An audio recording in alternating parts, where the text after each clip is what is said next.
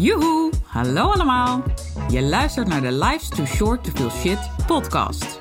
De podcast waarin ik alles met je deel over hoe ook jij een gezonde buik kunt hebben en houden.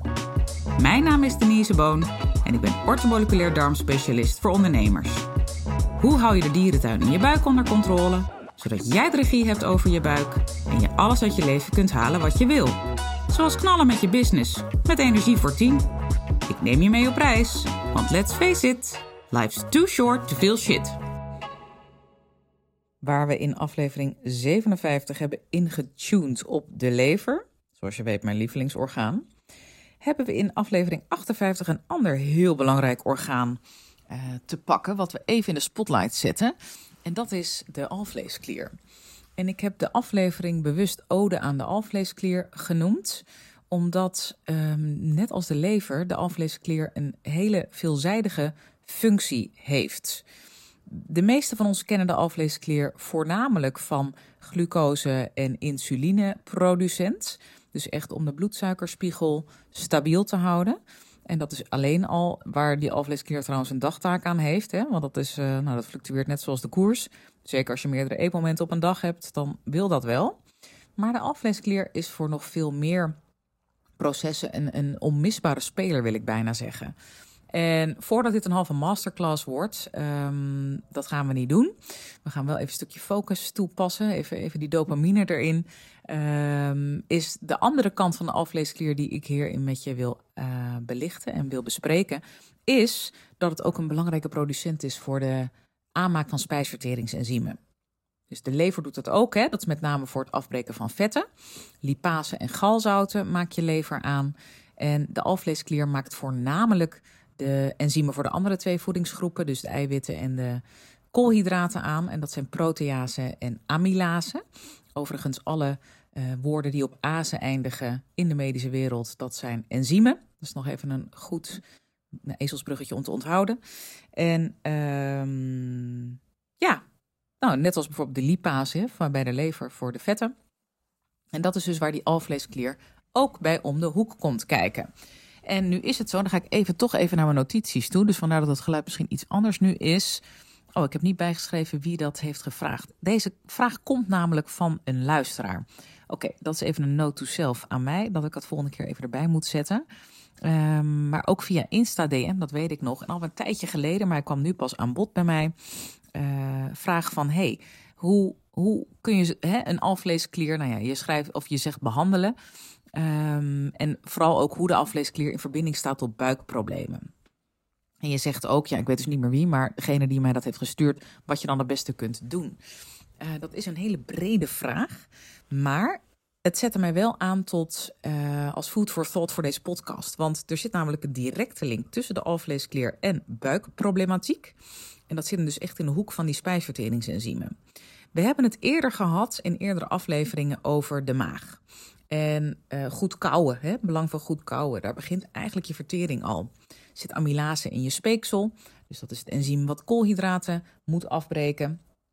Dus ook suikers. Dus hoe langer je het eten in je mond houdt, hè, hoe langer je koudt, hoe beter die vertering alleen al daaruit uh, plaatsvindt. Niet alleen door het kouwen zelf, maar dus ook door die amylase in je speeksel.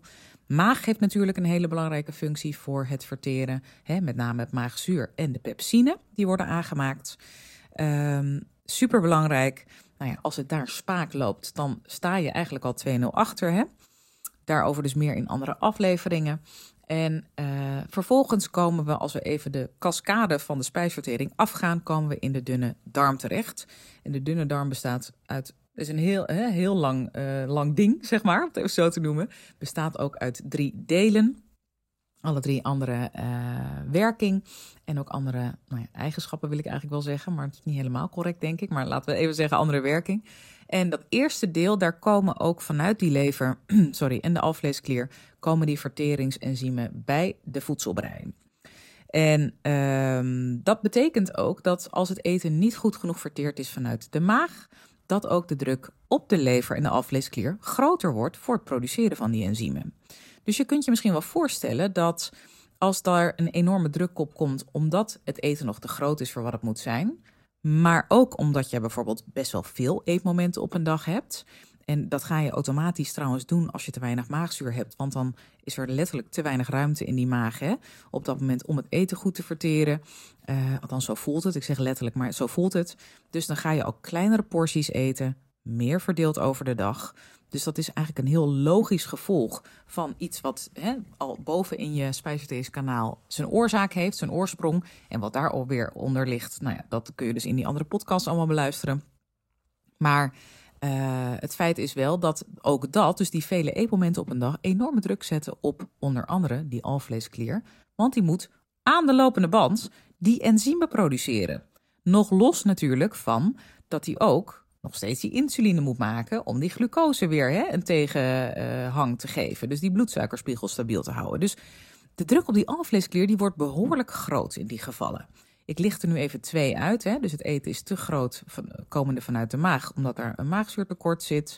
Um, en daarnaast, vele eetmomenten doen dus ook enorm de druk op die alvleesklier zetten. Er zijn nog veel meer oorzaken, maar dit zijn even de belangrijkste twee die ik nu wil benoemen in deze podcast. En op dat moment, ja, dan begint al de vermoeidheidskaskade, want dat zet enorme druk op je energiehuishouding. Hè? Want het kost gewoon heel veel energie om dat allemaal gaande te houden. En het kan ook zorgen voor dat jouw alvleesklier steeds minder goed die enzymen gaat produceren voor, die, voor de spijsvertering. En dat dus je vertering achteruit gaat. En zeker als je daar nog lekker regelmatig wat rauwkost bij knabbelt. Dus hè, die zak wortelen vanuit uh, de supermarkt, die staat standaard op je bureau, want het is zo gezond.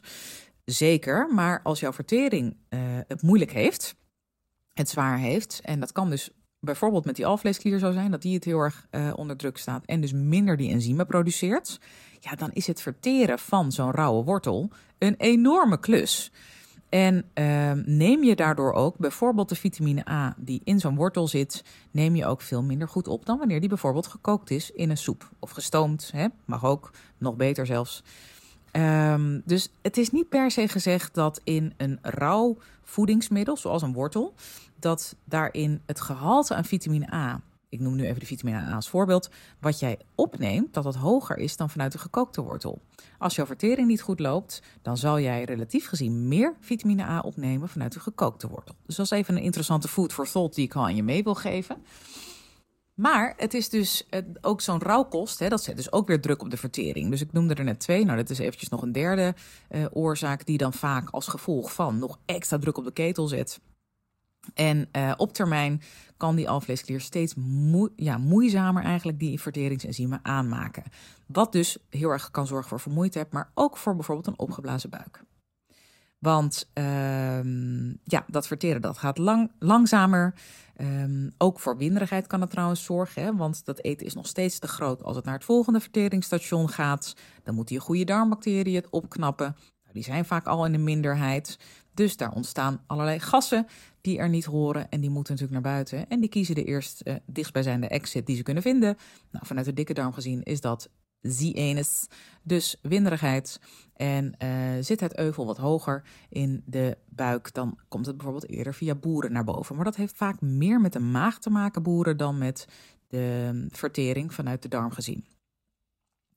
Um, dus buikproblematieken, zoals bijvoorbeeld een opgeblazen buik, ja, daar, daar, daar zit heel vaak een component in de vertering wil niet zeggen het component, want vaak is het een complexe puzzel die uit meerdere oorzaken uh, bestaat. Maar de vertering speelt bij ontzettend veel van mijn klanten een enorme rol, wil ik wel zeggen. Heb je ook niet zo 1, 2, 3 gefixt? Dus dat is meteen even een spoiler alert. Niet leuk, uh, wel de waarheid. Ik heb klanten die er echt nou, soms wel een, een jaar over doen. Uh, sommigen blijven verteringsenzymen slikken. Uh, niet dat dat raadzaam is om een leven lang te doen. Hè. Op een gegeven moment moet die alvleesklier het wel weer voldoende zelf kunnen. Kun je trouwens allemaal meten hè, hoe goed jouw alvleesklier die enzymen aanmaakt. Met ontlastingonderzoek. Maar er zijn mensen die erbij zweren. Die zeggen, nou, ik wil dit gewoon voor langere tijd blijven nemen. Want het voelt zoveel beter als ik het wel neem. Onderbreken daarvan is wel altijd raadzaam. In ieder geval na verloop van tijd. Hè. Dat kan dus ook drie kwart jaar zijn. Dat hoeft niet na een maand te zijn. Laat je ook niet uh, misleiden op wat er op de potje staat. Want het zijn natuurlijk algemene tips. Daarom is het altijd raadzaam om dit met een behandelaar samen te doen. Die je daarin kan adviseren. Uh, want die weet ook hè, hoe jouw lijf in elkaar zit als het goed is. En weet ook wat daarvoor voor jou het handigst is. In ieder geval, dat kan diegene het beste inschatten. Dus ook weer hierbij, laat je alsjeblieft adviseren door iemand die hier verstand van heeft. Maar langere tijd zoiets, hè, je spijsvertering ondersteunen, kan enorm raadzaam zijn. Kan ook door hoe je dus eet. Hè? Want het hoeft niet altijd met supplementen. Liever ook een combinatie van hoe je eet qua en wat je eet. Dus we hadden het net even over die gekookte wortel. Nou, dat is dan veel raadzamer als jouw vertering minder goed loopt vanuit die alvleesklier gezien. Dan zo'n uh, rauwe wortel, moet ik zeggen.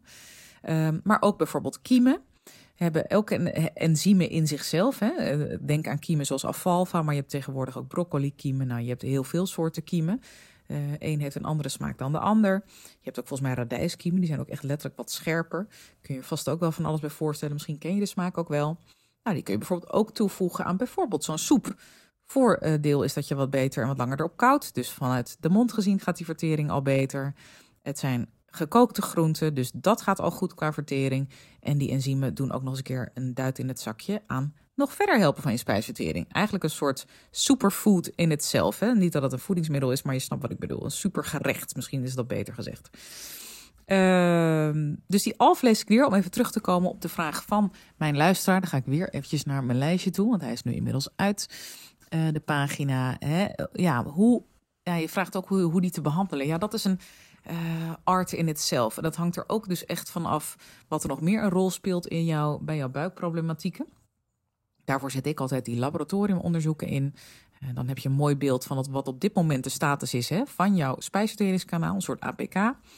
En dan weet je ook, nou, je kan niet altijd oorzaak-gevolg zeggen, want je weet niet altijd wat eerder is ontstaan, hè, welke disbalans. Maar dat hoeft ook niet per se, want het gaat erom dat je weet wat er nu hapert, om het even zo te zeggen, en aan welke knoppen jij kunt draaien om dat weer te verbeteren. En die vertering, je kan dus al heel veel goeds doen met hoe je eet en wat je eet. Um, dus laat dat je ook sterken. Uh, en het zelfhelend vermogen van het lichaam is echt fantastisch. Maar soms heeft het wel een extra zetje nodig. En daarom ben ik groot voorstander van inzet van supplementen waar nodig, maar alleen op die dingen die nodig zijn kom ik weer met het belang van die onderzoeken, die labonderzoeken. Eh, want dan weet je dus echt hoe je ze gericht inzet. En niet maar, nou hè, uh, het zal sowieso wel ergens goed voor zijn, baat het niet, schaadt het niet. Ik ben niet zo van de baat, baat het niet, schaadt het niet. Liever gerichte inzet, want die dingen zijn ook hartstikke duur. Althans, als je met goede producten werkt. En zeker als je er meerdere tegelijk neemt, wat wel mijn advies is als je het doet. Uh, ja, dan gaat het behoorlijk optellen. Dus liever dan gerichte inzet, zodat je weet wat bij jou op dit moment ondersteuning nodig heeft en ook op welke manier, dan dat je maar met Russisch roulette hè, wat probeert. Um, dus ja, dat is de link die ik tussen de alvleesklier wilde leggen en uh, buikproblematieken, wat ook een vraag dus nogmaals van een luisteraar was. En hopelijk heeft dit nou ja, weer een food for thought voor je opgeleverd. Um, en was dit ook weer waardevol voor je? Heb jij nou ook zo'n vraag en dat je denkt, oeh, ik loop hier al langer mee rond en eigenlijk stuur ik Denise maar geen bericht, maar ik zou wel eens meer over dit of dat willen weten. Stuur het naar me op, hè? Feel free. Want als het nou iets is waarvan ik denk, hé, hey, dat is voor veel meer mensen heel interessant. Nou, net zoals de vraag van deze luisteraar, dan behandel ik hem gewoon echt in een aparte aflevering. Um, dus hou je niet in. Het is aan mij om te beoordelen of ik iets wel of niet in een podcast opneem. Uh, schroom niet. Ik zeg wel eens, haal die handrem eraf. Hè? Um, en dan kijken we van daaruit verder. Althans, dan ga ik verder kijken of het, uh, of het de podcast haalt of niet. Veel dank weer voor het luisteren. Um, ja, ik wilde nog wat zeggen, maar dat is nog even een cliffhanger. Nee, ik hou het nog voor me. Sorry, dit is echt heel erg flauw, want dit is een beetje een dode mus. Maar je kent me, als ik weer iets nieuws te vertellen heb, dan komt het vanzelf ook in de podcast voorbij. Komt allemaal vanzelf, er komen wat leuke dingen aan. En uh, ik wens je een hele mooie dag en tot de volgende. Dag, dag! Toppers, bedankt voor het luisteren. Leuk dat je er weer was. Smaakt dit naar meer? Abonneer je dan even op mijn podcast. Zo zorg je ervoor dat je geen enkele updates mist en dat jij volledig up-to-date bent over hoe jij je buik gezond houdt with fun and ease. En als mijn afleveringen waardevol voor je zijn, laat hem dan even weten. Vind ik leuk. Je maakt me het meest blij met een korte review via iTunes of Spotify. Alleen het aantal sterren aangeven dat jij de podcast waard vindt is voldoende. Je kunt me ook taggen via Instagram. Bijvoorbeeld door een screenshot te maken van de aflevering en die via je verhalen te delen. Met beide dingen, zowel de rating als de screenshot van de aflevering, maak jij kans op een histamine maandmenu kookboek te waarde van 97 euro. De winnaar maken we bekend in de eerste podcast van de maand. Tot de volgende keer!